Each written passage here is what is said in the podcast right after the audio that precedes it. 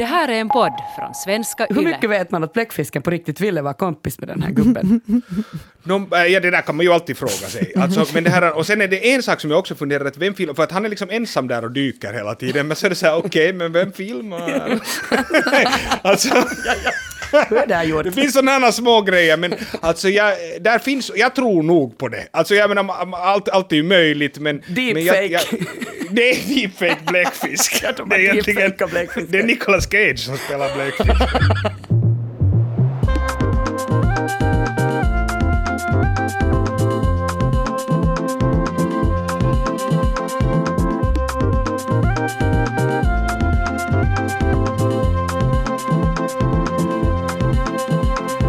Välkommen till Sällskapet, en kulturpodd med samhällsperspektiv. Sällskapet består av mig, Kia Svetin, och den här gången sällskapar jag med Andrea Reuter och Elmer Bäck. Välkomna ska ni båda vara. Tack. Tack, tack. Hur står det till med Elmer? Nu, ja, det går riktigt bra. Jag håller på det här och spelar in alltså en TV-serie. Det talade vi lite om förra gången jag var med här i podden. Så det är nu det som, ja, som är det som händer för tillfället i mitt liv. Och sen här hemma med familjen. Ingen har snytit sig eller, eller hostat där på inspelningarna?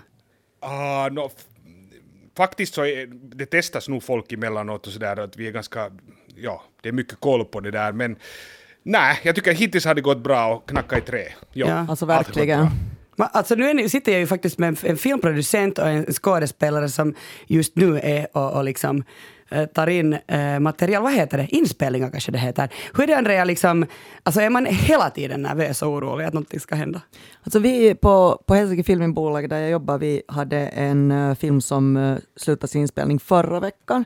Och det var ju väldigt mycket kring det där att alla har munskydd och, och avdelningarna får inte liksom umgås med varandra och så vidare. Och så vidare, och så vidare. Men fingers crossed, inga, inga smittningar eller någonting. Så att, att det har gått jättebra. Men det är ju väldigt mycket mer komplicerat och tar längre tid och lite dyrare att, att spela in nu. Men det är ju ljuvligt att man kan göra det.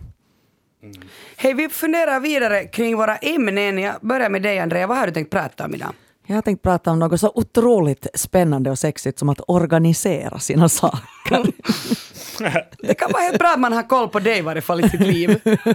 Jag tror att det är kanske det som är kärnan i hela den kommande diskussionen faktiskt. Hur man sköter sin mentala hälsa genom att ha skit eh, mm, eh, på rätt plats. Skiten ska vara på rätt plats, vad bra sagt. Um, hur är det med dig Elmer, vad tänker du prata om? Jag tänkte tala om deepfakes. Jag tänkte tala om vad det egentligen då är frågan om och hur det kommer att påverka vårt samhälle och oss. Det vad jag tänkte tala om. Jag har kanske väl då lite liknande, nej, men åt det hållet, eh, mitt ämne. Jag tänker prata om våra internetvanor. Jag har sett den här dokumentären The Social Dilemma eh, som handlar om de sociala mediernas inflytande på oss och på världen. Och jag tycker nu att det var en ganska fånig dokumentär, men den var nog också jättehemsk. Alltså det var dystopi. Man mådde inte så bra efteråt. Men jag vill gärna höra vad ni gör när ni är på internet. vad, är det liksom, vad, vad är det man gör där och vad är det man ska göra där och vad är det man ska undvika? Hej, men vi, vi det där börjar helt enkelt så att Andrea som är så organiserad, kanske, får börja. No, alltså det hela har börjat då, det, det finns ju, det är många som känner till den här eh, Marie Kondo, en japansk kvinna som älskar att städa och organisera. Hon, hon kom med en bok på, på engelska kom den 2014, The Life Changing Magic of Tidying Up. Men sen så kom det då en, en Tidying Up, en Marie Kondo-serie på Netflix förra året. Så det är säkert många som känner, känner till henne och hon, hon har en mera animistisk syn på saker, att, att de måste, eh, det är nästan som att de har själ och känslor. Liksom, och att man ska bara ha saker som spark joy, alltså som, som gör att man blir väldigt glad. Um, och om, man in, om de inte gör det ska man liksom ge bort dem eller, ja, till återvändning eller, eller, eller slänga och göra sig av med dem. Uh, Men allting är väldigt så här inramat i, i liksom positivitet och att, att när man slänger en grej så, så tackar man den för det den har gett en, även om det den har gett en kanske bara är att man har insett att man inte behöver så mycket grejer. Um, jag flyttade ganska nyligen, här i början av september, och då slängde jag ett par skor som inte mera var i så bra skick och då gjorde jag verkligen den där grejen och kom ihåg alla gånger jag har liksom haft dem på mig och, och sådär. Det kändes väldigt bra. Men orsaken till att jag ville nu, prata om det nu var att det har kommit en serie på Netflix som heter The Home Edit som, handlar, som är två kvinnor som har en, en, ja, ett företag som organiserar människors grejer. De blev jättekända via Instagram. Och, och i serien tar de an sig uppdrag. Det är alltid förstås en liksom, kändis och sen är det en vanlig familj. Och Alltså de är ganska jobbiga ärligt talat tycker jag, de här Joanna och Cleo. De är väldigt sådär jänkiga och det är mycket skrikande och så fort de träffar någon. Oh yeah, it's so amazing. Blah. Men deras uh, filosofi skriver jag under på. Och den går egentligen ut på att, att okej, okay, du har någonting, till exempel ett garage eller en garderob, och så tänker du okej, okay, vad är målet med det här? Hur använder man det? Vad är det jag behöver liksom i min vardag? Och sen sorterar man ut och, och då tar man bort sånt som om man inte behöver det, om man inte använder det och om man inte älskar det. Och sen så ska man sortera det i kategorier och det kan också då finnas liksom zoner och sen då förvara det i mindre lådor med vackra etiketter så man liksom lätt hittar vad man ska ha och, och att det ska vara i ordning. Och, och, det finns vissa grejer de är väldigt inne på att färgsortera och det har jag haft länge, att jag har mina böcker i min bokhåll. Um, I min bokhylla sorterade i färg. Så. och jag måste också säga här att alltså det här handlar ju då inte om att, att man ska ha jätte liksom, perfekt hem, och man ska hålla på att renovera det hela tiden, vilket till exempel Stockholm är alltså, jag läste någonstans att, att vart fjärde år byts liksom alla kök i Stockholm ut. Och jag tycker det är så otroligt onödigt och det är för miljön och för allting idioti och det är säkert det mesta att man inte vill konfronteras med att man har ett dåligt äktenskap till exempel, utan då ska man liksom renovera för att få koll på det. Uh, utan jag tycker mer att det handlar om att de sakerna du har ska vara i ordning och att detta gör att man får ett sinnesro också. Mm. Och jag tycker att det har fungerat för mig. Jag har väldigt lite grejer nu, om man inte tar med lägenheten och vinden i Stockholm som jag fortfarande har kvar. Men har du kvar din lägenhet i Stockholm? Ja, jag har inte sålt den ännu. Ah, du är, just det, yes. ja, jag tänkte att du hade hyrt, jag tänkte att du har två lägenheter. Nej, nej, nej, där bor en, en hyresgäst. Ja, ja. Um, men, men när jag flyttade hit då för två år sedan så, så tog jag med mig väldigt lite, egentligen bara kläder. Och jag mår väldigt bra av det, att ha lite grejer. Alltså jag saknar min lägenhet i Stockholm för den är så ljuvlig, men att, att liksom själva grundgrejen att ha ganska lite saker och att alla saker är på rätt plats gör att man mår väldigt bra. Alltså, Mar Marie Kondo är liksom så här, i, i, hennes bok så påstår hon att man blir lyckligare och mer framgångsrik och, och smalare och får bättre hy etc. Av att, av att you will be spiritually fulfilled and develop good fortune. Jag vet inte, det kanske drar det liksom lite väl långt. Och, och jag tycker också att man ska inte liksom göra misstaget att tro att det att man får ordning på sina grejer gör att allting blir perfekt och det viktigaste av allt är förstås att komma ihåg att förändring är det enda konstanta. Man kan inte kontrollera allt i sitt liv. Men jag är nog helt för att kontrollera de sakerna man kan för att på något sätt frigöra Alltså, när jag städade min, min vind innan jag flyttade på, i, i Stockholm, det var liksom åtta timmars session. Alltså gud vilken sten det var som föll från mina axlar, fast jag inte mm. visste mhm. att den ens hade funnits där. Jag får nog tag på det här, alltså jag tänker också nu när vi bor, som säkert många bor här i centrala Helsingfors, vi bor ganska litet, vi är alltså tre personer då, en baby och, och min fru och jag på 53 kvadrat, och då blir det ju liksom just det där att man måste ju sätta man måste planera för att det blir direkt så att det inte finns någon plats. Så att jag har nog liksom också blivit mycket mer inne på det här att det är så skönt att ha saker, alltså vi har jobbat ganska mycket just för att hitta en perfekt balans, bara helt enkelt för att få det maximalt ut av det utrymme vi har. Så därför har jag tänkt på att, och då känner jag också att ju bättre organiserat det är, desto bättre mår jag helt enkelt nog. Ja, och, och, och, ja. och desto mindre behöver man ju städa. Därför att om alla saker har ja, sin sant. plats så lägger man dem ju bara på sin plats och då blir det inte en massa skit. Mm. Okej, okay, obs, jag har inga barn, det, det, måste jag vara jättetydlig med. Jag fattar att det är en annan situation om man har småbarn som leker, liksom lite äldre än din son. Men att... mm, ja, ja. Men det som jag tänkte, jag, jag, tog, jag, jag fastnade direkt på två saker. Jag kom på en artikel jag läste för länge sedan, någon gång tror jag när jag var i Malmö, som var intressant, som handlade om det där att kasta bort saker. För det där är spännande också, man ska bli av med det man inte behöver. Och då sa de att det finns ett stort problem. Det var någon, några människor som till exempel vet du, ville ta de sakerna som folk vill kasta bort. Men det är tydligen jättesvårt för många människor, för att om du, du har tänkt kasta något och jag sen ger värde åt det, då vill du inte kasta mer. Så det finns alltså en sån känsla av folk Aha. att ingen ingen får ge värde till det som du har tänkt kasta, för att då vill du inte kasta det mera. Så att folk liksom blir hemskt upprörda, de vill hellre kasta bort än ge vidare. Men, att det fanns en sån här... Ja men alltså jag hörde om det här. grej. Nej, men Och att därför förstå. stänger man, man stänger liksom till exempel, alltså avstjälpningsplatser får inte vara öppna så att folk skulle komma och få där och plocka, också för att det liksom inte är okej för de människorna som vill kasta. Jag tycker det var en jättespännande grej att liksom, att alltså om jag bestämmer att det här är liksom inte värt något så får du inte säga att det är värt något, för då vill jag inte kasta det. Okej, för jag har alltid varit så sur på det där att i, i eh, avköpningsplatsen i, i, i Pargas där vi har sommarstuga, att det är förbjudet att ta grejer. För jag, det är väl jättebra om någon skulle ta hellre än att det liksom slängs. Vet ni några andra länder? Ja. Om jag säger så här, alltså vänta, vad ska jag tänka? Amsterdam. Så då var det ju alltid sådär att, att eller alltså när jag har varit där, så att, att det var en fest alltid där på någon gata där människor slängde sina saker. Och, och dit gick man och, och, och plockade, alltså, okej det här är tio år sedan, jag hade en kompis som bodde i Amsterdam, hon behövde alltid några nya möbler. Vi gick alltid omkring och letade liksom. Mm. Och Jag, hitt, jag såg på en madrass jag dök från, från gatan när jag var utbyteselev i Amsterdam 2002. Ja, Men, men just det här med att man faktiskt samlar på saker i sådana här containrar och så fick, det var liksom fritt byte. Ja, folk bara satte ut grejer och så kunde man plocka I dem. Finland eller i Helsingfors kan jag nu då säga så tycker jag nog oftast att det är så att det är ett lock på. Vet ni, Att man, det är inte meningen att, att andra ska gå och plocka men vi har en gång om året på vår gård en sån här container, jag tror att det är ganska vanligt, så får man tömma då. Och det där, jag kan ju säga, jag är alltså en, en hoarder som skulle vilja vara en minimalist. Jag plockar alltså alltid med mig saker från den här roskisen. Förra året hittade jag en sån här underbar trälåda. Alltså det, människor slänger ju helt sjukt fina saker. Så det där som du säger Elmer, det, det är ju helt horror alltså. Att man inte får gå och ta det som den andra har slängt. Då det är spännande liksom grej just det där, att, men man kan ju förstå det på det sättet just att om jag har svårt att kasta någonting och så här bestämmer nu kastar jag det här och så kommer du säga oj vad fint, yes jag blev så glad, så blir man såhär nej nej nej jag vill inte kasta det. Och det här, nej nej, och det här är liksom. Amsterdam är intressant nu när du sa Amsterdam. Har ni hört om det där att Amsterdam har det där att man alltid ska ha gardinerna öppet och att så man ska kunna se in i folks hem, att det här är en Amsterdam-grej. Har ni Ja, märkt det? Nej, jag har Ja. märkt att det är så, men inte har jag Ja. vetat att det är en Amsterdam-grej. Jag fick Det är veta en det då när jag bodde där. Alltså, ja, jag vet ja, inte det där är ju spännande just när är det ni... No, jag vet inte, men tydligen är det hemskt viktigt då hur du just har inrätt, för att idén är det att du ska kunna titta in från gatan Okej. och se hur fint hem du har. Oj.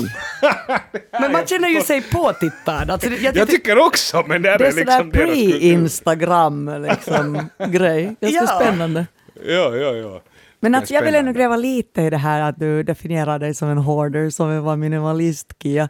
Eh, vad innebär det här hoarder-grejen? Är det alltså liksom verkligen det är svårt för dig att slänga eller bara det att du tycker om att ha mycket saker runt dig? Eller Nej, jag tycker inte alls om att ha mycket saker runt mig. Jag är väldigt organiserad, skulle jag säga. Mm. Jag, jag kan säga det som du sa, Andrea, att, att man mår ju bättre alltså, när man har koll på saker. Och jag är alltså jättestädig. Alltså nästan så att det har gått i överdrift. Alltså, Mm. Jag städar varje dag hemma. Sopar alltså. För jag klarar inte... Vill du komma till mig någon dag? Nej, jag klarar inte av. Och sen om, jag klarar inte av om, om andra har det skitigt. Men alltså, jag, jag menar mer så här, det får inte vara smulor eller...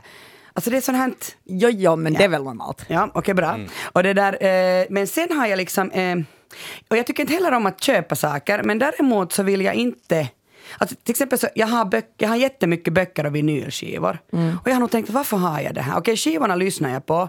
Men där jag har mycket De böcker kan ju som också jag... vara prydsamma. Ja, men nu tar de ju massor med plats. Och mina böcker liksom, varför kan jag inte bara göra mig av med dem när jag har läst dem? Men jag kan inte. Alltså jag vill, jag har, och jag finner också alltså en, en grym tillfredsställelse när, när någon säger någon bok Kerstin Ekman, har du läst den? Så kommer jag på, ah, men jag har henne i min bok. Och så går jag och tittar och så har jag den där boken som vi har diskuterat. Alltså jag tycker att böcker kan nästan tas bort ur den här ekvationen. Mycket böcker. Ja, jag också. Alltså det är Men jag vill här, säga en sak om, ja, om böcker, det var det intressant för du sa att du gör dem i färgordning Yes. och där tänkte jag bara så att jag skulle aldrig tänka så. Jag har alltså, jag har just fått en ny bokhylla hemma, vi har fått en ny bokhylla och jag är jätteglad och, och så har jag liksom gått igenom alla böcker och fått dem i liksom så att de är ämnesmässigt, Mm. men jag skulle aldrig tänka på färg. Det är också spännande hur man tänker då, för jag skulle aldrig tänka på det, men jag kan förstå det när du säger det och då är det ett helt annat sätt att också inreda Alltså det- om man tänker ja, färg. Alltså det är ju liksom en estetisk grej, men det är också det att jag mycket kommer ihåg böcker enligt hurdana omslag de hade, så att om jag ska Ah, hitta något och sen om jag till exempel har av samma författare en massa böcker, det är väldigt ofta de är lite i samma färgskala, eller så kan man integrera dem på något vänster, liksom för att om man tar det från, enligt regnbågen från vänster till höger, liksom på varje hylla, så kan man ju på något sätt ändå få dem att, att funka. ihop. Men det här är spännande som du säger, jag, jag tror inte att jag någonsin skulle komma ihåg en bok på hur utseende, det, där, är ju- det där måste vara hur man ser världen, men, men säger liksom då Marie Kondo till exempel att det är bättre, just, alltså är färg färgkombination, är det en Speciellt, viktig grej? Liksom? jo, hon är ju också Ja. för att färgsortera och speciellt eh, ja. hennes stora grej är ju hur man ska vika sina kläder så att varje plagg syns i ens garderob Ah, okej. och hur man ska hänga dem. Det ska gå från liksom långa kläder på vänstra sidan till korta kläder på högra sidan. Eh, Men speciellt det här The Home Edit är typ berömda för det. Alltså det är liksom Instagramvänligt, att allting är så färgsorterat. Och sen också att barn väldigt mycket orienterar sig enligt färg, så att det funkar också väldigt bra att, att organisera liksom barns saker enligt färg. I Dem, den där eh, enligt dem. Home Edit, eh, så jag har tittat första avsnittet och lite av andra. Men, men där säger de också en sån sak som att om du inte ser den där saken så kan du lika bra slänga den. Att du måste alltid ha... De, de ska Ja, vi- de har ju alltid genomskinliga, Ja. oftast genomskinliga Ah, okej, vad lådor. ja. spännande. Okej. Jag vet inte om jag ska hålla med eller inte, det är ju svårt att fråga en hoarder. För jag har jättemycket saker förstås i lådor. Alltså och, och, i, min, i mitt hem, i lådor. Alltså, det, det här är det sjukaste, att jag har en walk-in closet. Men man kommer inte in i den. För den är så full av Det saker. är non-walk-in, walk-out. Walkout closet. Men, ehm, men jag, för, för jag skulle jättegärna, jag tänkte faktiskt så här, yes vilket bra ämne Andrea, för jag skulle alltså vilja lära mig något att Alltså, mitt problem är faktiskt det där, man, man, man ska inte konsumera, punkt. Och det gör jag inte, jag konsumerar inte. Men jag har jättemycket saker och jag kan inte bli av med dem för att jag är för kär i dem. Men alltså Home Edit är bra på det sättet, de har en väldigt så här yankee approach till det hela. Att de säger aldrig så här, du har för mycket saker, utan det är bara dålig ordning på de där sakerna. Så att behåll dina saker och ordna dem bara. Men det finns nog en stor fördel med det där att flytta. Jag tänkte också, jag bodde så länge i Tyskland, jag flyttade hem för tre år sedan och då blev det ju så att jag hade nästan ingenting. Så det var lätt att börja från början. jag tänker också exakt. att där har du också en fördel att du kom från Stockholm. Ja. Så då blev du liksom av med den där. Där kan jag också förstå att om jag skulle ha haft allt från hela min... Alltså det är svårt att kasta saker men jag kunde liksom inte ta med mig. Så då blev det ju att bli av med ganska mycket onödigt. Liksom ett måste på. En liten ny tänkte jag. start. Ja, ja. det, det viktigaste du har sagt för mig i varje fall är att man mår bra. Det är ju ångest det handlar om. För, I varje fall för mig. Att när jag liksom måste vistas i ett ställe som är liksom det är råddigt. Du vet, jag är organiserad och jag har bara för mycket skit. Så, så då får jag alltså, jag får ångest om inte är organiserat, om man inte har vantarna på ett ställe. Och, och så här, men jag skulle alltså, ja, jag, jag, Marie Kondo eller Home Edit, kan ni hjälpa mig att bli av med mina saker? Jag har ju då, tack, tack mina gener och, och min lyckliga barndom, väldigt lite ångest. Men jag tänker att det finns också mycket som, eller det jag talar om den där stenen jag inte ens visste att jag hade på mina axlar. Det, det, fin, det finns någon slags lättnadskänsla som jag tror kan komma, som inte bara handlar om att fly en ångest, utan helt enkelt att känna sådär att wow, att jag har liksom en jag har, jag har mera rum för mina Ja. tankar, för mitt liv. Ja, jag har koll på min, det förgångna. Då har jag kanske liksom plats att tänka Mm. på framtiden och att vara i nuet. Att det är liksom någon slags filosofisk, mera andligt plan nästan. Det där har jag hört talas om, det var jättespännande. Alltså, någon har påstått så här, alltså jag kommer inte ihåg vem, jag kan inte citera rätt, men just det där att om jag, om jag får se ditt hem så vet jag hur det ser ut i din hjärna. Att det är liksom direkt kopplat. Ooh. Alltså att, att det finns så att det ser att om du har hemskt råddigt hemma så betyder det också att du har råddigt där uppe. Om, om du har hemskt mycket gömda grejer som inte syns men du, så har du hemskt mycket gömda Men grejer som inte syns. Alltså det där är ju riktigt roligt. Jag sitter på The Social Dilemma, alltså en, en eh, dokumentärdrama på Netflix. Den handlar om sociala mediernas inflytande på oss och på världen. Och, och liksom, ja, det är en handfull utvecklare från Silicon Valley som har kontrollen över hur miljarder människor tänker, agerar och lever. Och det är då insiders som avslöjar då hur sociala medier programmerar om hela samhället. Har ni sett den här dokumentären? Yes. Ja. Båda två, vad bra. Jag funderar liksom att No, för det första tyckte jag att den var jättesvår att förstå. Jag var helt så oh, gud, varför, vad, vad, vad är det här? Vad betyder det här? Vad är det de, de pratar såna här som inte jag förstår. Men, men det där, jag har, jag har liksom, eh, ser två riktningar. Att man, man, man tycker att dokumentären är skit och den inte stämmer. Eller att dokumentären är bra och allt de säger stämmer. Eh, och jag kan inte riktigt säga var jag har landat i de här. Att, att, håller jag med dem eller inte? Men det jag blev att fundera på jättemycket efter att jag hade sett den är hur påverkar sociala medier mig? Eller inte liksom alltså nu just mig, men som enskild individ i samhället. Men jag tänkte först berätta en liten anekdot. För ett veckoslut sen så var jag ute i skärren och på tre dagar så var jag totalt utan internet och telefon. Och det här hade jag alltså inte vetat om på förhand. Jag hade inte liksom hunnit ladda ner. Alltså jag vet inte om man flyger långt. Okej, Mm. förlåt. Då förr i tiden, när man ändå fick flyga, eller flög, så liksom kunde man ju ladda ner då dokumentärer. Eller jag brukar ju lyssna mycket på poddar och böcker och jag vill ha dem till, till handa. Men det där, min telefonoperatör låg nere. Så jag kunde inte göra något alls alltså. Jag kunde inte texta eller ringa eller, eller ingenting alls. Jag bara lät den vara då. Eller jag, först var jag arg och så satte jag den till sidan. Och, och det där, vet ni vad som hände med mig? Vad? Jag, jag, jag läste två böcker på tre dagar och jag sov 20 timmar och jag dockade inte alls. Nej, nu vet jag inte, mycket kan hänga ihop med att jag inte drack alkohol, att jag sov så här bra. Men, men tydligen alltså så gör nog jag mycket på min telefon. Alltså den, den stör mig. Alltså omed. Jag, jag, liksom, jag måste säga helt enkelt att jag har inte förstått hur, stör, hur störande mycket jag är på den. Kanske. Men om vi går tillbaka till, till den här dokumentären så, så den säger alltså då att våra liv kretsar kring Facebook, Twitter, Amazon, Instagram, Wikipedia och, och liksom, no, typ, och det här hade ett, ett negativt inflytande på oss som människor. Eh, och att liksom, det att teknologin stjäl all vår tid så skapar och stärker en sån här känsla av, av utanförskap och politiskt kaos. Och det ökar polarisering och vi kan inte mer koncentrera oss på det som är viktigt i vårt liv. Tristan Harris, som är en av de som jag tycker man intervjuar kanske mest i den här, intervju, eh, i den här dokumentären, han säger också här checkmate humanity i den. Och man blir ju lite så här, hjälp liksom, att, att den är verkligt dystopisk. Att det är nästan så där att, att man blir rädd för den om man väljer att tro på det. Den här Tristan Harris alltså, han är väl varit en. Tristan. Tristan, ja han är jättenoga, man måste få inte säga Tristan, man måste säga Tristan. Men, men liksom att han är, han är en av de här frontfigurerna i Time Well Spent eh, via non-profit-organisationen Center for Humane Tech. Och han, liksom, han har arbetat tidigare som, han har arbetat på många av de här plattformarna, väl som sån här Framförallt på Google. ja, över, övertalningskapitalist, övertalare. Uh, Nåja, den här dokumentären består av intervjuer med olika techpersoner alltså, och de är då alla alltså så talking heads, programmerare eller så här som har, så här nördar. Ja, som har varit liksom chefer på stora, vet du, den som utvecklar like-knappen Ja. på Facebook och så vidare. De har alla en sak gemensamt, de är alla dissidenter och de har slutat jobba på de här företagen. Och, och nu är de liksom så här att sorry att jag uppfann det här monstret, att det var jag som uppfann like-knappen. De har ju en- honom Ja. med där och han är bara förlåt att jag uppfann like-knappen, det var inte meningen, att jag gjorde det med kärlek och se det blev ett monster. Och så vidare. Eh, känner ni till den här podden Stormens utveckling?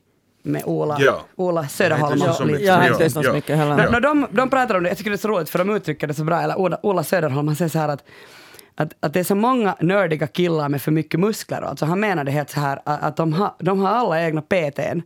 Men att, att det blir liksom som att typiska geeks som har mera muskler än som passar ens aura. Alltså att det blir fel att se ut att det är en alfakropp på en betahanne och det passar inte ihop. Och jag tycker att det kanske den där skrämseltaktiken funkar på mig när jag ser den här bilden framför mig, för de är alla ganska biffiga. när de sitter där och är, liksom sådär We created this to destroy you. Eh, men man kan alltså då fundera alltså vad, det, vad är det de gör. Jo, de samlar in en massa data på oss, allt bevakas och mäts, spåras och sparas. Och den där datan går in i systemet, så gör det det bättre och för, mer förutsägbart. Vem är jag? Vad kommer jag att göra? Och så bygger de modeller på våra, som förutspår våra handlingar. Och för att hålla, alltså det de vill är att vi ska stanna och scrolla. Japp. Och då matar de oss The med... attention economy. Ja. Ja. Men, ja. Jag tycker direkt att det är intressant det här och där tycker jag att, att vad som är så intressant med den dokumentären, för du sa liksom att det är emellanåt lite svårt att förstå vad det är som håller på att hända och jag upplever att det är vad de säger. Problemet är att vi börjar ge, alltså nu har vi ju vissa av de här programmen gör ju det själv. Så som jag förstår det så ju, ju har YouTube en algoritm som alltså kollar vad, vad som skulle vara din nästa video. Det gör YouTube, det är ingen person som gör det och de här personerna som har utvecklat det systemet vet inte riktigt vad YouTube gör där börjar det bli jävligt obehagligt. Alltså det betyder att vi vet inte riktigt vad det är som håller på att hända. Och det är det vad jag tycker att de säger där i den dokumentären, va, varför det blir den här känslan att man inte riktigt fattar, därför att sanningen är den att de fattar inte riktigt. Och det betyder ju att vi liksom är ganska långt på den här vad artificiell intelligens egentligen gör grejer som vi inte har någon kontroll Ja, alltså över. det, kärnan är ju det här machine learning och, Ja, och AI, absolut. att det utvecklar sig själv hela tiden.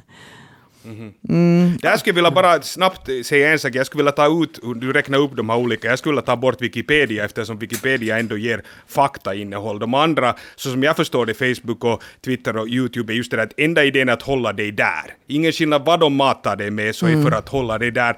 Wikipedia är ju ändå lite mer att de försöker ge någon slags fakta.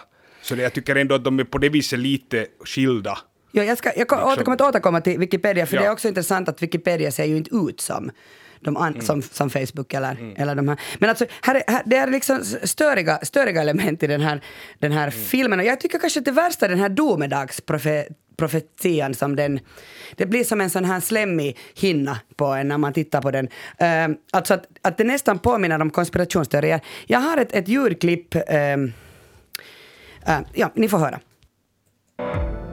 a lot of people think, know, oh, well, Google's just a search box and Facebook's just a place to see what my friends are doing and see their photos. But what they don't realize is they're competing for your attention. So, you know, Facebook, Snapchat, Twitter, Instagram, YouTube, companies like this, their business model is to keep people engaged on the screen. Let's figure out how to get as much of this person's attention as we possibly can. How much time can we get you to spend? How much of your life can we get you to give to us? Okej, alltså det som jag tycker är alltså på riktigt helt mest störande är det där ljud, alltså den här mat, ba, ljudmattan. Dum, dum, dum. Alltså, vi pratar om Facebook. liksom, alltså ska det vara sådär. Nej men alltså det, det Jag, vet, jag, stör att, det- mig. jag, jag håller inte riktigt med. Alltså, för jag tycker att det, det, det, it serves its purpose, så att säga. För att jag håller nämligen helt med den här Jag dokumentären. måste säga, jag håller också helt med. Och jag tycker det är ett Jag är enormt, enormt skrämmande och stort problem. Eh, Det, som, det andra jag tycker är störigt i, i filmen är den här dramaturgin. Alltså det att de har gjort en dokumentärdrama, alltså de har sprängt in i den här dockaren såna här eh, dramasekvenser, alltså fiktiv film med skådisar. De Jag- följer liksom en familj, hur den påverkas. Det blir så cringe, alltså det blir så pinsamt. Eh, och jag tycker inte faktiskt att... Alltså det blir ett fånigt grepp helt enkelt. Det blir sådär, ah, nej gör inte sådär. Ni kunde jag tycker att det ska, för mig skulle det ha varit bättre att bara se Talking Heads än att ha de här sekvenserna. Jag kan förstå att, att man vill liksom göra Jag tänker det att till det är liksom på något sätt sådär pedagogiskt, dramaturgiskt, att få folk att fatta. Okej, men ta, men ta den det här, vad heter han, Vincent Cartizer, han som är den här algoritmen. Mm. Skådespelaren som, som spelade en förkroppsligare version av en algoritm. Ja, det är lite, lite konstigt. Det är lite konstigt grepp. Jag blir Eh, Men jag tänker också att de, att de säkert har tänkt sådär att hur ska vi få det, just så att det inte blir så, att det kommer närmare människor, att de förstår att det har med dem att göra. Jag tror att det är liksom idén, men jag kan hålla med att det inte är helt lyckat grepp. Det kan jag hålla med, jag kan förstå varför de har tänkt att det behövs en sån del. Liksom. Men okej, men det är intressant när ni sa att ni håller med, båda två, både alltså Andrea och Elmer, ni håller med liksom budskapet. Och det jag tycker är jobbigt med det här budskapet, liksom att, att Alltså det, det stämmer att det är ett oetiskt, såna, det är liksom oetiskt med all övervakning och den här annonsmodellen, de samlar in data på oss, de exploaterar våra svagheter och allt det här. Men jag tänker ändå att hur mycket är det det och hur mycket är det liksom produkten i sig?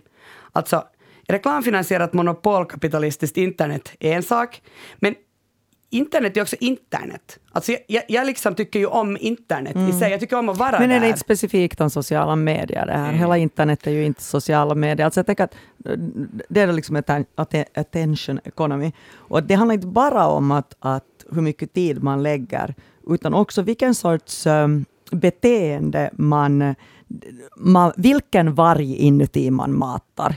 Um, och det är det som är problematiskt, för att om man, man blir van vid att man hela tiden får en, en snabb belöning. Till exempel då liksom att man har lagt ut någon eh, bild på, på Facebook och så kommer det då liksom like, like, like, like, like, like, like. Gör att man vänjer sig vid någonting som um, finns biologiskt i människan sedan evigheter. Det är helt samma sak som människor som är sockerberoende. eller någonting. Det var när det fanns en enda frukt liksom, när man var i något uh, grottmänniskostadie. Och vi har ju samma hjärna. Och på samma sätt så det här snabba belöningar är inte, tror jag, väldigt bra för oss som, som människor och vår utveckling. Och sen också det att ehm, väldigt mycket av de stora viktiga idéerna i mänsklighetens historia och nu föds av att folk på riktigt sitter under något träd och tänker. Och den, det här med att hela tiden har den telefonen, hela tiden tar upp det, okej nu väntar du på bussen, eh, nu sitter du på toaletten och, och scrollar och scrollar och scrollar. Det gör ju också att det finns liksom inget utrymme för att bli uttråkad och för att tänka de där större tankarna, kanske jättestora tankar som skulle kunna ändra mänskligheten, men också om dig själv och vem du är och vad du vill med ditt liv och hur du beter dig. Att det är liksom en, en flykt från att ta itu med grejer. Det är det jag upplever för mig att det är den jättestora... Uh, jag ska bara säga en sista sak. Och sen är det ju väldigt problematiskt med missinformation och det kommer vi säkert komma in också på mm. liksom i ditt ämne, Elmer, med mm. deepfakes och så här. Och det är ju via sociala medier nu inför amerikanska presidentvalet och så vidare. Så det är ju liksom de grejerna att, att, ska, att de här bubblorna skapas där algoritmerna mm. matar dig med bara samma saker och därför kan något sånt som QAnon eller något helt sjuka mm. Flat Earth Society liksom mm. växa. Därför för att folk matas med det som algoritmen tror att de vill ha. Och om man aldrig mm. matas med någon som tycker något annat så blir man ju en sämre människa. Men alltså, och jag, jag börjar just, jag, jag, tycker den där var absolut den bekräftelsen och sen är ju andra saken den där upprördheten och det är ju så att folk blir engagerade om de är upprörda så att antingen söker du bekräftelse eller så vill du bli upprörd. Ja. Jag tycker att den där upprördheten är det som skrämmer mest för därför jag tror ju att sociala medierna är den största orsaken varför jag tycker att vi hela tiden befinner oss i farstun till tredje världskriget. Hela tiden därför att den på något sätt radikaliserar oss alla åt håll och det matar oss med antingen sånt som vi blir upprörda av eller sen folk som tycker samma som vi. Mm. Men jag menar, och det är det som jag tycker att det är det mest obehagliga. Och då har de till exempel den här YouTube-videon så som han förklarar där, som den funkar, att den ger åt dig liksom hela tiden nästa steg.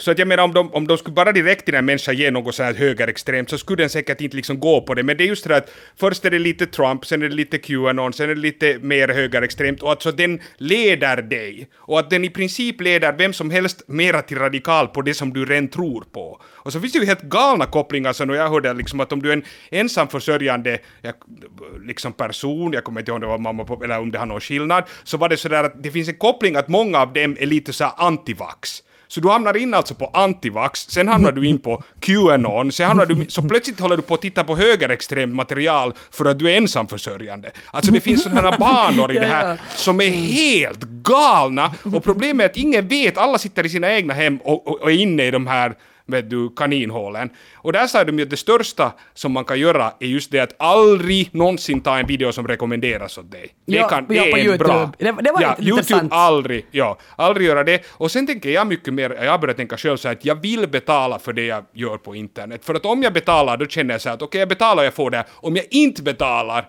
då tycker jag att då ska varningsklockor ringa, för att då är det någon som gör pengar på mig på något annat sätt. Exakt, du betalar Ingen, med din liksom, data och du betalar med betal, din tid. Ja, och det, det är obehagligt, så jag tycker egentligen att jag börjar mer och mer känna att jag mår bra när jag betalar för något. Mm. Och så, så borde det egentligen tycka att allt skulle borde bli betalbart och så skulle Nej, alltså jag tycker att det är sjukt skrämmande. Måste säga. Så tänker jag också sådana saker som vi tror att, liksom i min bubbla då som vi har gått fram, jag tänker bara på det här liksom jämställdhet och så här, och sen visar det sig att, att unga flickor, det är ju mera illamående och mera självmord nu än någonsin. Och, och då tror man att vi går, vi liksom, det lilla vi går framåt, så går vi ännu mera bakåt. Jag tycker att det är liksom extremt obehagligt att förstå, nåja, No, men det är med allt också, jag menar om man tittar på min egen bubbla, att man tror att det är mera, vet ni, man äter mera grönsaker, men egentligen så äter man mer kött än någonsin, alltså ingenting mm. Ingenting går, ser ut så som det Nej, i min ja. värld, och ingenting går egentligen åt något bättre håll. Jag tror att det lilla goda som sociala medier har gett, liksom det är 90 procent skit tror jag faktiskt. Ja, men se, jag håller inte alls med, för jag tycker ju att, att det som är magiskt och förtrollande för mig med, med internet, eller med SOME, är ju att man är uppkopplad mot allt och alla hela tiden. Alltså mm. man kan ju hela tiden bara göra någonting där, träffa någon där och, och så här. Det som jag tycker att, att det är värt att påpeka är att i den här dokumentären så, så sa ju de flesta av de där att de låter inte sina egna barn mm. ha telefoner, mm. nästan ingen mm. skärmtid och inte några sociala medier innan högstadiet etc. etc. Så att, att det, det visar väl någonting. Det, det, vi pratar sen, ja, ja, säg bara.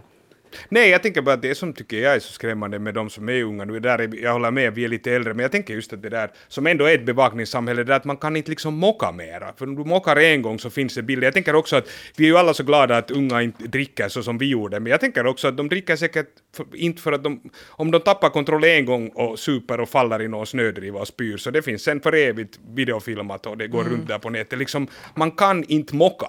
Man får inte mocka. Liksom, Och det tycker jag är det me- absolut mest obehagliga, att vi bevakar varandra på det sättet. Jag är ju glad att jag växte upp liksom före allt det här. Det tycker jag är sjukt obehagligt. Liksom. Hej, jag, Och tänkte, jag vet inte hur de upplever det, de unga, för jag har inte själv barn i den åldern. Liksom.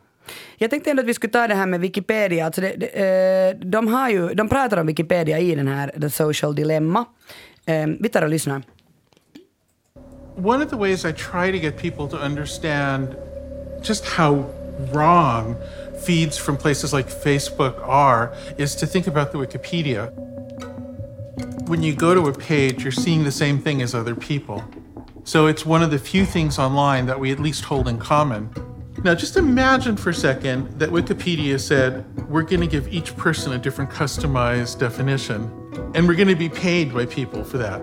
So Wikipedia would be spying on you. Wikipedia would calculate what's the thing I can do to get this person to change a little bit on behalf of some commercial interest, right? And then it would change the entry. Can you imagine that? Well, you should be able to because that's exactly what's happening on Facebook. It's exactly what's happening in your YouTube feed. Men det är ju jätteobehagligt där i den här filmen när, när, när, det här vet ju alla, när man går in på Google och så skriver man så här climate change is, och så kan det just komma så här a hoax eller liksom a, a real threat to humanity. Att ve- vem är du och, och, och hur, hur, kommer, hur lockar den fram vad du, vad du ska liksom ta upp till nästa? Det som du sa Elmer, att, att någon sån här singelmamma kan mitt uppe bli någon radikaliserad terrorist. Eller nej, vad sa du, att man får här höger? Nej, men Alt-right. det, det går via där, ja. Alltså det, och det, de är liksom galna de där, att om man skulle kolla. Jag, jag tror att det är den där, vad hette den där, var det Rabbit Hole den heter, den New York Times? Ja. Podcasten. Där går de ju igenom en killes liksom hur han har hamnat var han har Ja. hamnat och det är helt alltså galet de där liksom hoppen man gör och så att man kan förstå att de liksom kollar igenom hela hans så att säga radikaliseringsfas. Det, det är spännande om det där. Absolut. Det, det så jag tänker liksom att det är kanske min, min kritik är liksom att, att, att det är som att de där Silicon Valley-avhopparna jag vet inte, jag får den där filisen, alltså jag får när jag ser den, att, att, att världen var liksom så bra innan de skapade det här monstret. Men jag menar, nu har det nu har ju människor mått dåligt och haft utseendefixeringar och liksom radikaliserats utan allt det här också. Alltså det är Ja, som men det är att ju de bara så mycket det. större nu. Och det är bara så mycket lättare att sprida. Det är ju det som är grejen, att missinformation, det, det har ju, alltså gammel media har ju inte sysslat med de här grejerna. Så att det är det att hitta de där sakerna och sprida dem, det är det som är så enorm skillnad. Och jag tycker att det var bra det som Sacha Baron Cohen sa, att jag menar, om han gör sina grejer som emellanåt är ganska provocerande, så de får inte visas för en viss tid på kvällen för att barn inte ska se. Det kommer kanske varningar, det finns vissa saker. Så, alltså det finns någon kontroll. Nu är ju all kontroll borta. Alltså om man tänker ändå att tidigare var det ju ändå så att det står ändå att det här borde inte barn titta på. Alltså det fanns ändå ett försök till något, så kunde man kanske komma åt någon video med något som man inte borde se. Men det var ju svårt. Nu har vi ju hela, alltså jag kan ju, alltså så länge du kan använda en dator så kommer du ju åt allt. Jag menar det är ju ändå en helt annan värld nu än vad det var. Och tänk hur det är sen när din, din lilla bebis är, är 18. Hoppas vi att, att inte du har gett äh, Elmer eh, att du får, du får inte vara på några sociala medier. Är så man borde Nej, jag hoppas att de liksom lär sig, jag tror ju att, att det är kanske de som är unga nu som är de värst utsatta, för jag hoppas ju att det kommer en motreaktion. Jag tror ju det att vi måste fatta. Men där när du säger att om man, om man så att säga köper den här dokumentären eller inte, jag, jag, jag kan inte förstå, eller jag, då kanske jag då är så av den åsikten att det är sant, men jag kan liksom inte förstå hur det inte skulle vara sant. Alltså hur skulle... Alltså jag menar, de har jobbat där och det där är vad som händer och det där är hur de där maskinerier fungerar. Jag förstår inte på vilket sätt man skulle kunna tänka att det inte är sant. Eller? Jag tänker mera liksom att, att man, de tror att allting bara cirkulerar kring dem. Att de säger bara, bara inte vi skulle ha sociala medier så skulle inte det här problemen finnas. Se nu vad vi gjorde i, var det i, i Myanmar. Eh, liksom, Ja, ja. hets mot folkgrupp mot rohingyer, att det var Ja. vi som spred det här. Och, Det var ju så. Men, men, men nu, nu fanns ju den här hetsen mot folkgrupp där än innan. Jag tänker liksom att all form av, av mobbning, kärleksbekymmer och så vidare. Det jag tycker egentligen liksom är att, att är det sorgliga här, är det som knyter ihop till min den där anekdoten i början, är att jag målar ka- kanske som bäst när jag håller fysiskt i en bok och läser i den och inte sitter med min telefon och läser, liksom hetsläser några böcker och lyssnar. Och jag gör alltid hundra saker på en gång och det liksom stressar min, min, tele, min telefon mig till. Eh, att jag tycker liksom att, att den är sorglig den där filmen helt enkelt därför att vi förlorar all form av liksom verklighet eh, genom att vara för mycket uppkopplade. Inte liksom att de här algoritmerna eller att det här övertalningskapitalismen är den som styr oss till det. Alltså jag tror att problemet igen är samma sak som, som när man tänker sådär att jag påverkas inte av reklam. Jag menar det finns många människor som är sådär, jag påverkas inte av reklam. Men jag menar om vi inte skulle påverkas av reklam så skulle inte reklam finnas. Och jag tror att det är lite samma sak, man kan tro att man, man blir inte manipulerad. Jag kan nog se vad som är sant, men det är inte så. Alltså det här funkar. Och det är det jag tycker är så obehagligt. Sen funkar det mera på vissa och mindre alltså på andra beroende på hur mycket du liksom sen faktacheckar och så här. Men jag tror att det, det, det här påverkar oss alla. Det gör det, alltså därför att du, du blir i din lilla echo chamber. Och, och det är, jag tror att det, alltså jag, jag är helt övertygad om att det här är jätte, jätte, jättefarligt. Nå, då ska vi fortsätta med de här dystopiska grejerna. Yeah! alltså jag skulle tala om deepfake. Okej, okay. jag kan snabbt gå igenom vad liksom deepfake, hur det fick sin början. Och det fick sin början som många andra saker inom porr. Inte inom porrindustrin kanske, för det var inte av det, men inom porr då. Det handlar om då att folk började då sätta in kända kvinnors ansikte i porrfilmen. Det var basically hur det började då. Och så utvecklades bättre och bättre och bättre, så att till exempel så att man fick Scarlett Johansson dit. Så blev det bättre och bättre och bättre. Och det här är nu som det börjar utvecklas av då. Och, och det var massa liksom helt amatörtyper som håller på med det här göra. Och nu har det här utvecklats så långt att det här funkar så bra nu att man egentligen kan då få i princip vem som helst att säga vad som helst på en video som ser, nu kanske det ännu inte ser 100% ut, men vi är nära, alltså helt trovärdigt. Och, och det här, som till exempel då, som, jag vet inte om ni redan har sett videon på det här, det finns sådär till exempel när Obama säger någonting och Putin säger något, de har visat, det finns sådana som går runt redan så här. Mm. Okej, okay, men i, ja. Ja, ja, jag har sett dem. De är väldigt ja. trovärdiga.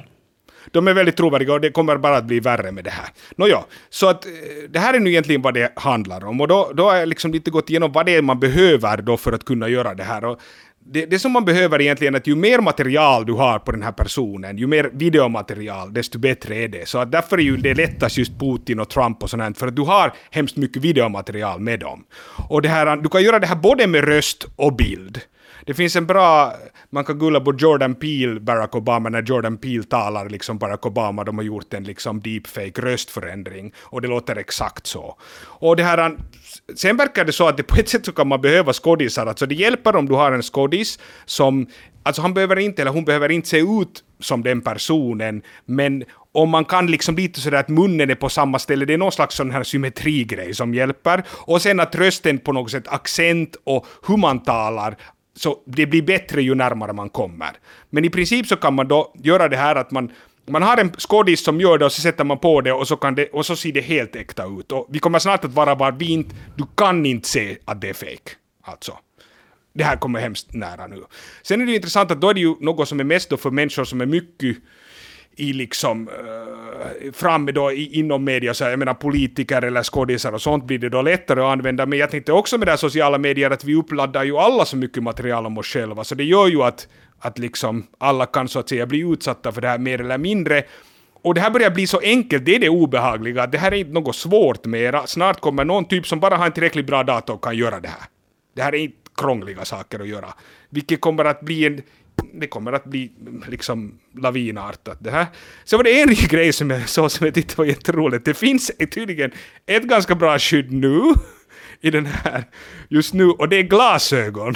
För att det är tydligen ah. svårare att göra det med någon som bär glasögon. De sa att Kim Jong-Un Un har varit svårare att göra det här med på grund av att han bär glasögon mycket. Och glasögon på något sätt gör det problematiskt. Tänk om vi i framtiden börjar se att plötsligt har alla politiker glasögon. Och man säger det här är ju lite konstigt men plötsligt går alla för att det är ett sätt att och skydda det. Kim, i alla fall nu, Kim Jin, vad heter han? Kim Jin-Un? Nej, Jong Kim Jong-Un. Heter han Kim Jong-Un? Kim Jong-Un. Ja. Han är där. Kanske han, han är liksom, han är före oss. Han bara såhär, Ja, han är före han har fattat det. Ja, ja, ja. this.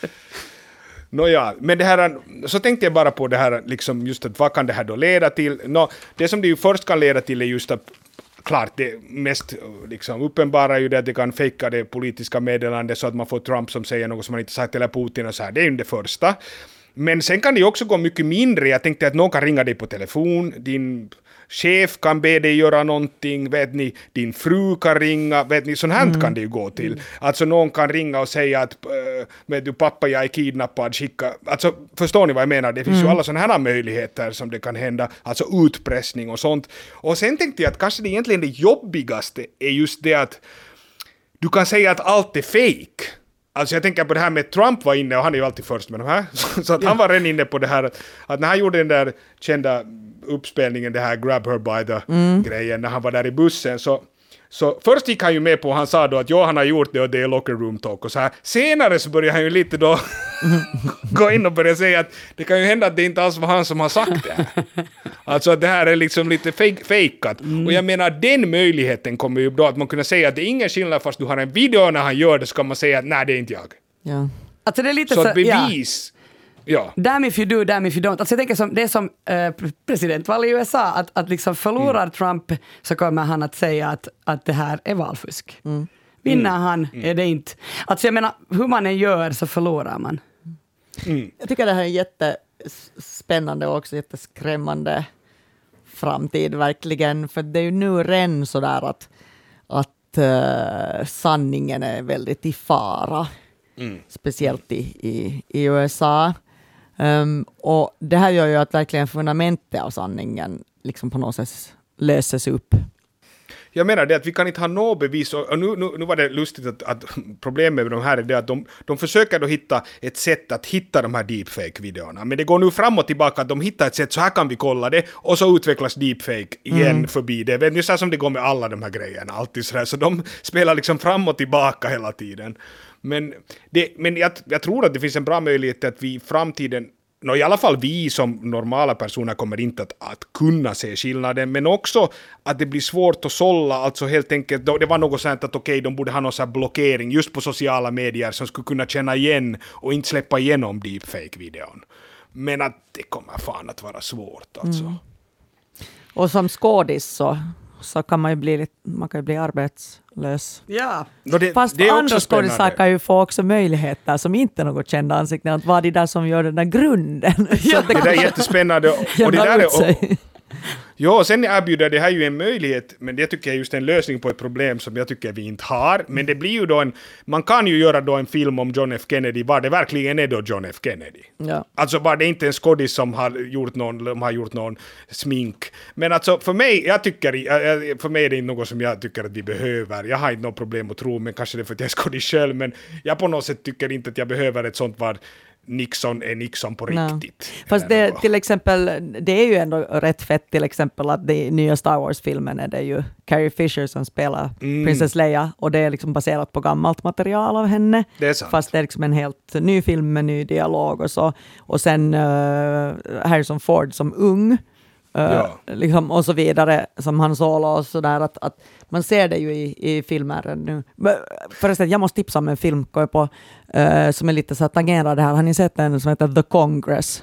Från, det är jättefå som har sett den. Nej, jag har inte jag, jag var på, på Karlovy Vivares filmfestival och såg den, den är från 2013. Det är han Ari Folman som gjorde en väldigt känd eh, tecknad film som hette ehm, Walls with Bashir som vann Ja, en, ja, en jag Oscar. Ja. Nå, det, det, så den här är liksom både live action och tecknad och handlar om en skådespelerska som spelas av Robin Wright som gör liksom sitt sista jobb vilket är att bli liksom mappad helt eh, med en dator så att hon forever kan användas som en liksom skådespelerska i framtida filmer. Och sen så hoppar den så jättemånga, det är flera tidshopp, 70 år framåt och så vidare. Jag vill bara tipsa om den, det är en väldigt spännande och, och bra film, The Okej, Congress. Spännande. Vi sätter med förstås alla referenser där i, på arenan eh, där i, i, i, i samband Jag ska med ännu ett, eh, en grej, ett fråga åt dig, uh, Mm. Elmer. För att jag läste på det här om, om, om deepfakes och det verkar som att det finns någon slags ehm, grej att man har gjort jättemycket deepfakes där man har satt Nicolas Cage face. Ja, ja, Varför ja, ja. Varför just han, du som är skådis? No, alltså, jag, jag tror att en sak är bara det att, att, att folk älskar Nicolas Cage. Alltså, jag tycker att det är spännande. Jag måste säga att jag sållar mig till det. Jag har en grej, en, en god kompis från Malmö och vår stora grej är det att vi älskar Nicolas Cage tillsammans för vi en gång såg på en Nicolas Cage-film. Jag vet inte varför, det är något med Nicolas Cage. Alltså, jag tror att det är det också att han som skådis, han kan göra så extrem. Vet ni, han spelar emellanåt, han, han, han, han kör ju fullt ut. Och det är ju någonting som är bara härligt. Han går ju liksom från noll till hundra och allt däremellan. Och emellanåt är han helt fantastiskt bra, och emellanåt gör han ju något som ingen förstår. Jag tror bara att han är en liksom lite så kultfavorit. Ja. Men kan det ha att göra med hans ansikte? Alltså att på riktigt, att han har ett Ah. avlångt ansikte på något sätt. Eller, jag tänker, eller att han är ett gummiansikte. Alltså ta Jim Carrey, Ja. är han månne Ja. lätt att deepfakea? För att han, man, man, man vet att han är kapabel att göra extremt mycket med sitt ansikte. Ja, ja, no, du har, Jag tänker nu, att det är tvärtom, att Nicolas Cage hela tiden ser lite likadan ut. Men jag tror nog att du Jag egentligen nu har rätt för att för att Nicolas Cage gör ju just den här, han gör så här stora, Okej. det är säkert sant att man, han, han, han ger en ganska stor bredd på Hur gör Nicolas. Cage? Han, wow, man kan inte, jag glömmer att det här är inte bild, man kan inte säga, man bara hör mig Älskar dig, skrika. Elmer.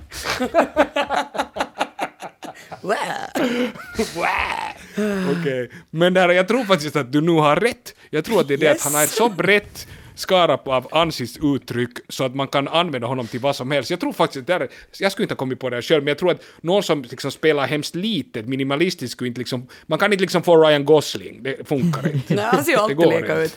Ja, det går inte, han kan inte deepfakas för man liksom får inte honom att göra något. Kanske så kommer att bli hans räddning. Kanske det är det som gör. Han, han är den enda som har sko- så här jobb kvar efter några år. Return of the deadpan. Ja, kanske det är det här vi måste göra, göra som skådisar, man börjar spela så litet som möjligt för att liksom ha kvar sitt yrke. Varje vecka så får ni väldigt gärna eh, tipsa om någonting som ni inte har kunnat släppa den här veckan. Andrea, vad har du inte kunnat släppa den här veckan? Jag skulle vilja tipsa om Filip och Fredriks valpodd, som de gör nu varje dag inför det amerikanska eh, presidentvalet. Filip och Fredrik känner säkert jättemånga till det, ett programledarpar från, från ehm, Sverige, som har gjort massor helt legendariska program. Jag är väldigt stor fan av dem. Och så har de också en av Sveriges eh, äldsta och mest lyssnade podcaster, som kommer på torsdagar normalt. Men nu har de då gjort, jag tror att det var sen det var när det var 20 dagar kvar, nu är det 12 dagar kvar till valet, så kommer det varje dag en halvtimmes podd. Och Filip bor i LA, i USA, och de är jätteintresserade av amerikansk politik. Det har de alltid varit, de är journalister från början. Så att de pratar på ett informativt och ro, framförallt roligt sätt. Och jag litar sådär att jag orkar inte ta in så mycket information om det amerikanska valet, så man får just lämpligt serverat på ett breda, liksom på ett roligt sätt, vad det är egentligen som händer. Att det är en lämplig nivå av analys, tycker jag. De ska ha någon valvaka också under då, Jo, på natten. på, på Dplay som är eh, Svenska Femmans... Eh, no, det är ju geoblockat, men om man har VPN kan man ju kolla i, härifrån också. Bra tips. Eh, Jag lyssnar på, på Filip och Fredriks Mm. eh, podcast. Den, den, den, är liksom, den är väl integrerad med deras... De kommer Jo, om man, om man liksom prenumererar Ja. på deras vanliga podcast kommer nu valpodden i samma feed. Yes. Det där, Mm. jag, tänker nu ta mitt kulturtips här emellan. Uh, passligt har jag valt en film när jag har de här filmexperterna med mig. Ensi Lumi hade premiär Mm. på fredagen eh, på biograferna. Och det är nog ljuvligt. Alltså jag skulle bara kunna tipsa om att gå på bio. För det är så ljuvligt att gå på bio. För då tar jag inte heller fram den här förbannade telefonen, för det täcks man ju inte. Ja. Utan då sitter jag faktiskt och tittar. Men det där Ensilumi är en film som handlar om ett, ett, ganska, ett ämne som, som människor förhåller sig, tycker jag, är rätt likgiltigt till. Alltså flyktingar och flyktingförläggningar och negativa asylbesked. Eh, och det där, den här är på något sätt en Eh, en, en, ett annat sätt att visa att det här är människor det handlar om. Den är eh, regisserad av Hami Ramesan. Det är säkert väl överlag hans film, alltså man kan säga att han skapade den. Som själv kom till Finland som flykting från Iran för 30 år sedan. Och det där, han har lyckats värva bland annat eh, Shabab Hosseini, vet ni den här iranska Han är superstjärnan? så bra i Så filmen och han är så het. Okej, jag håller med om båda sakerna. Han var bland annat med i den här Nadar och Simin, en separation till exempel. Och Salesman. Men helt sjukt, sjukt, sjukt bra eh, film och bra skådespelare.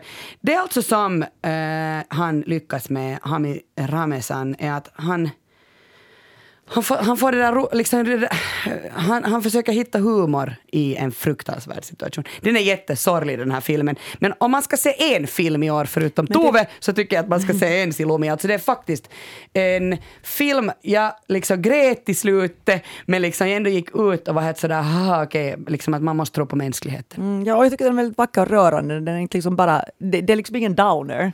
Utan jag tycker att, att man blev också Glad, glad, ja. av den och framförallt att det finns ett annat perspektiv på Mm. hur det kan vara. Ja, man blev hemskt glad över föräldrarna, om, om vi säger så mycket utan att, att avslöja mera. Men liksom att föräldrarna var helt ljuvliga. Alla var helt ljuvliga i den här filmen. Eh, Och skogen, när de är ute i skogen vid en här flod med mossbetäckta stenar. Jag kan berätta att det är i Nurmijärvi. Jag frågar producenten, det är den vackraste finska skogen jag har sett på film. alla eh, chilla iväg och se på Ensi Lumi. Eh, vad, Elmer, vill du tipsa om? Ja, jag skulle vilja tipsa om den här My Octopus Teacher på Netflix, en dokumentär. Uh, det handlar alltså om en sydafrikansk man som går igenom en, en sån här ganska stark depression som gör att han, han börjar gå ut och simma i det så jättestormigt hav där utanför var han har bott, var han växte upp. Och så simmar han där och sen efter en stund så, så hittar han då där en bläckfisk. Och så handlar det liksom egentligen om hans kontakt med den här bläckfisken. Och de blir liksom No, alltså, kanske kompis är fel ord, men de får en jättestark kontakt. Och det här är alltså en... Eh, ja, det var förunderligt berörande film. Jätteintressant om bläckfiskar och på något sätt jätteintressant om natur och människa. Jag vet inte, alltså den var eh, faktiskt riktigt eh, intressant och fin dokumentär. Jag vet inte när den har kommit ut, men i alla fall finns den på Netflix. Helt nyligen har den kommit. Jag tycker att den har faktiskt så? funnits i mitt flöde, jättemånga av mina kompisar. Jag Ja, det är många av mina kompisar i Sverige som har tipsat om den också. Men, men Ja. alltså jag undrar, hur mycket gick eh, det där bläckfi- hur mycket vet man att bläckfisken på riktigt ville vara kompis med den här gubben? No, äh, ja, det där kan man ju alltid fråga sig. Alltså, men det här, och sen är det en sak som jag också funderar att vem filmar, för att han är liksom ensam där och dyker hela tiden, men så är det så här, okej, men vem filmar? alltså, det det finns sådana små grejer, men alltså jag, där finns, jag tror nog på det. Alltså jag menar, allt, allt är ju möjligt, men... Deepfake. det är deepfake bläckfisk. de det är egentligen, det är Nicolas Cage som spelar bläckfisk. Okej, men i alla fall, den där frågan kan man ställa sig. Jag väljer alltså att tro på det.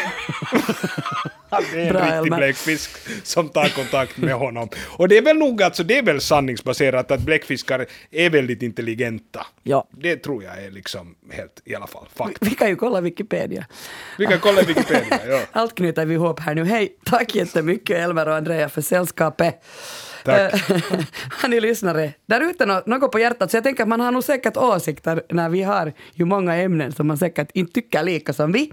Eh, så man får jättegärna skriva till mig till exempel på min mail kia.svetihin.yle.fi eller kontakta via eh, våra sommarkanaler, Yle, Yle Kulturs Instagram eller mina egna. Alla referenser och hänvisningar hittar du i avsnittsbeskrivningen på arenan. Nästa vecka så sällskapar jag med Biffen Ahonen och Ellen Strömberg. Vi hörs! Hej då! Hej då! Hej då!